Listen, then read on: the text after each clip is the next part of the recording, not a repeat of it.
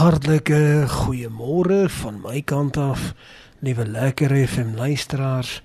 Groot eer en baie groot voorreg om dan ook vanmôre op hierdie lieflike donderdagoggend saam met jou te kan stil word in die wete dat die Here altyd 'n uitkoms bring. Daar is altyd 'n uitkoms wanneer dit kom by die hartklop van die Here want hy is die God van tweede kansse. Ek wil hê jy moet 'n bietjie daaroor dink. Te midde van die feit dat ons baie maal murmureer en vreeslik hartseer is oor baie dinge wat oor ons pad kom, kom die Here nog steeds met goddelike uitkomste. Ek sit maar net weer eens vanmôre hier en dink aan die dag toe die hele volk arriveer voor die uitgestrekte diepe blou rooi see. En daar het hulle nie meer opsies gehad nie soos wat baie van ons nie meer opsies het nie. En vanmôre, soos wat ek met jou praat, weet ek dat baie van ons lekker FM luisteraars miskien dalk ook in so 'n situasie jouself bevind waar jy sê Daar is nie veel opsies meer oor nie. Ek is heeltemal vasgedraai. Ek is gesnoeker. Ek kan nie links nie, ek kan nie regs nie. Ek kan nie vorentoe nie, ek kan nie agtertoe nie. Ek kan nêrens heen nie. As die Here nie 'n goddelike wonderwerk vir ons gaan doen nie, dan weet ek nie. En dan kom die Here en in 'n oomblik van goddelike wonderwerklike krag kom open die Here lopende vloeiende water. En ek wil hê jy moet daaroor dink. Jy moet werklik daaroor dink. Ek dink die volk was ook eintlik so vreesbevange toe hulle sien die krag van God Almagtig baie maal as ons die krag van die Here werklik sien, dan sal ons weer daardie waaragtigheid in ons hart terugkry, daardie vrees dat ons deel met 'n lewendige God. En die woord sê dit ook, ek val eerder in die hande van 'n mens as in die hande van 'n lewendige God. En laat ons werklik vanmôre dit so sien. En laat ons ons harte skik en stuur altyd in die regte rigting. En ons het gister gepraat oor 'n paar sake wat nogal baie treffend was met betrekking tot hoe versigtig ons moet wees met die koningskap van Rehoboam en dat hy op 'n stadium eintlik maar droog gemaak het en ons juis 'n bietjie daaroor gesels het en ek gaan dit net so vanmôre vir 'n verfrissende gedagte gaan ek dit weer noem. Maar ek wil graag vir jou 'n skrifgedeelte lees en ek wil jou tog vra om vanmôre saam met my te lees. Blaai vir my daarheen die tweede boek die tweede boek van die kronieke.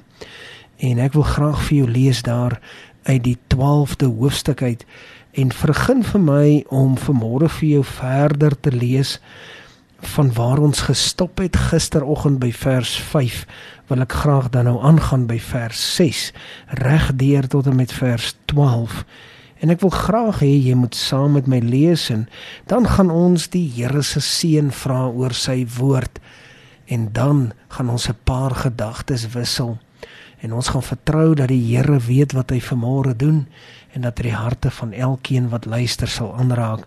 Kom ons lees hier verder uit 2 Kronieke 12 vanaf vers 6 tot en met vers 12. Hierop het die owerstes van Israel en die koning koning Rehabem hulle self verootmoedig en gesê die Here is regverdig. En toe die Here sien dat hulle hul verootmoedig het, kom die woord van die Here tot Semaja en sê: Hulle het hul verootmoedig. Ek God van hemel en aarde sal hulle nie vernietig nie, maar hulle binnekort uitkoms skenk en my grimmigheid sal nie deur middel van Sisak oor Jerusalem uitgestort word nie maar hulle sal sy knegte word sodat hulle my diens en die diens van die koninkryke van die lande kan leer ken. En Sisak die koning van Egipte land het teen Jerusalem opgetrek en die skatte van die huis van die Here en die skatte van die huis van die koning weggeneem. Hy het alles weggeneem Hy het ook die goue skilde wat Salomo gemaak het weggeneem. Toe maak koning Rehabeam in die plek daarvan koperskilde en hy het dit aan die owerstes van die hardlopers toevertrou wat die ingang van die koning se huis bewaak. So dikwels as die koning in die huis van die Here ingaan, kom die hardlopers en dra dit en bring dit weer terug in die wagkamer van die hardlopers. Maar weens sy verootmoediging het die toorn van die Here van hom afgewyk sodat hy hom nie geheel en al vernietig het nie. Ook was daar was daar in Juda nog goeie dinge. Tot sover die woord van die Here. Kom ons sit net so, dan sluit ons die oor en bid ons saam. Hemelse Vader, Dankie vir die woord. U woord is kragtig. U woord is so op die merk en dankie Here dat ons harte dan nou ook vanmôre verkoop word met die feit dat u met ons praat soos wat u met ons praat en u deel met ons soos wat u met ons deel. Daarvoor is ons dankbaar in Jesus naam. Amen. En amen. Baie treffend, liewe lekker FM luisteraars die hele gedeelte in dit wat ek gister gepraat het waar ek getitel het wees versigtig wil ek dan nou ook vanmôre die woord titel en praat oor verootmoediging. Verootmoediging. En hierdie is vir my iets wat baie bitter belangrik is. Want jy weet hier het ons gelees van die profeet wat gekom het na die koning toe. En vir die koning gesê het as gevolg van julle doen en late julle het besluit jy koning Rehabeam seun van Salomo het 'n besluit geneem. Jy het gewys jy gaan die Here en sy saak vers, verlaat en versaak en jy gaan mense saam met jou vat die hele Israel gaan jy laat verval. En dan is dit so dat ons dit willekeurig vergelyk met ons eie lewe. Ons eie lewe is partymal in so 'n situasie waar daar ook 'n mens, nie noodwendig 'n profeet nie, maar 'n mens na ons toe kom vir ons 'n boodskap aflewer en waar ons ernstig sien dat ons het 'n fout begaan. En ons het ander mense intussen beïnvloed en ons moet regmaak. Want dan is daar baie dinge wat wat skielik gebeur. Ek meen hier kan ons lees in Rehabeam se lewe hier die volgende oomblik is daar strydwaans. Ons praat hier van 1200 strydwaans wat optrek teenoor hulle. Ons praat hier van in die omgewing van 60000 perderyters en 'n ontelbare hoeveelheid manskappe. Jy weet 'n ontelbaarheid hoeveel manskappe is baie. Ek dink nie in die woord van die Here praat hy baie van ontelbaar nie. Hoor, ek dink hierdie is hierdie is omtrent die eerste of die tweede keer wat hy praat van waar hy praat die woord gebruik ontelbaar. So baie manne het vel getrek. En baie keer voel dit vir ons of hier ontelbaar hoeveelheid moeilikheid op ons neersak, hoor. Van wie ontrouheid. En ons moet baie versigtig wees. Baie baie baie versigtig wees. Want jy weet daardie daardie boodskap kom tot ons. Maar dan sê hy vir ons ons moet nou nie meer hardkoppig wees nie. En dit is sekerlik een van die grootste foute wat ons as mense het En daarbey sluit ek myself in. Ek het dit al baie beleef. Ons is baie hardkoppig. ons as mens. Here help ons, maar ons is baie baie hardkoppig. Ons is net nie bereid om partymal te aanvaar dat ons 'n fout gemaak het nie. Jy weet die erns van die boodskap kom na ons toe net soos wat dit hier deur Samaria na die koning toe gekom het, 'n ernstige boodskap. Baie ernstig. Julle het my verlaat en daarom gaan ek 'n koning van die ander land, 'n Egipte land wat teen die grens van Israel is, gaan ek stuur om julle nou te vernietig. En dan moet ons dan moet ons ons harte skielik verander en nie verder hardkoppig wees nie. Dan wil ek vir jou sê, liewe lekker FM luisteraar, die Here is getrou. Wanneer die wanneer die Here jou nader, moet jy jouself baie baie vinnig verootmoedig. Wanneer jy sien wag 'n bietjie. Ek het gefouteer. Ek is by foute. Moenie hardkoppig verder na hierdie saak kyk nie. Moenie jou hart verhard nie.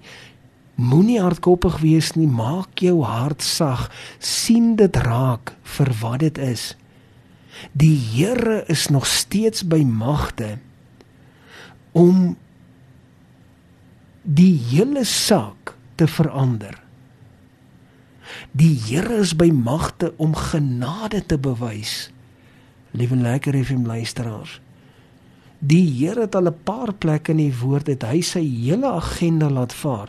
Hy het sy aanvanklike planne laat vaar en hy het genade bewys. En as jy nou mooi kan onthou het ek gisteroggend juis gepraat en ek gebruik nogal hierdie getuienis want dis vir my baie baie belangrik om nooit 'n bestanddeel uit die resep uit te verwyder nie. Jy weet, gaan eerder en en en hou hou die resep.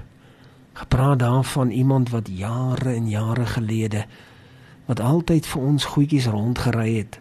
As daar nodigheid was vir een of ander saak wat ons goed moes vervoer het, dan het ons altyd 'n sekere 'n boete gehad daar in die gemeente wat gekom het en dan het hy ons gehelp met dit. En eendag toe sê hy mos vir my nee, hy gaan nou nie verder nie. Sê ek jong, wees net versigtig want moenie 'n bestanddeel verwyder nie. Jy sien dat, dat hierdie koek wat jy wat jy maak is is nou een wat baie lekker smaak. Moenie nou 'n bestanddeel wegvat en dan smaak die koek die die resultaat van hierdie heerlike koek gaan nie meer dieselfde wees nie. En ek sal voorstel noem dit by die naam, gaan kyk 'n bietjie mooi, wat is dit wat die probleem is? Wat is dit wat waaroor jy hardkoppig is? En dan gaan maak reg vir ootmoedig jouself teenoor die aangesig van die Here. Die Here is nog altyd getrou en hy is nog altyd regverdig. En as hy jou hart raak sien en hy sien dat dat jy het vandag 'n besluit geneem om te sê Here, ek ek vra om verskoning. Ek het ek het ek het buite u wil opgetree. Ek het dalk gedink ek kom weg met dit, maar ek het nie sien betyds die fout en herstel jou resep. Herstel die die die proses van die resep, sien dit betyds raak en draai dit om. En kom ons wees oor die algemeen baie baie versigtig. Kom ons wees waaksaam, liewe lekker en vriende. Kom ons bly aan die voete van die Here. En waar daar 'n fout is, kom ons maak dit vandag nog reg. Tot sover die woord van die Here. Kom ons sit net so. Dan sluit ons die oë, dan bid ons saam. Hemelse Vader, groot is ons eer om vandag met U te kan praat. Vandag te vra dat U na ons omsien en dat ons daar waar foute is, dat ons dit sal regmaak, Here, en dat help ons dat ons nie ons harte verhard nie, maar dat ons mooi sal luister wat U wil hê ons moet doen. Here, help ons daarin, want dit is nie altyd maklik nie. Skenk aan ons die genade. Is my gebed Here in Jesus naam. Ons bid dit nie Here omdat ons dink ons verdien dit nie want ons kan dit nie verdien nie. Bloot vanuit genade. In Jesus kosbare naam. Amen en amen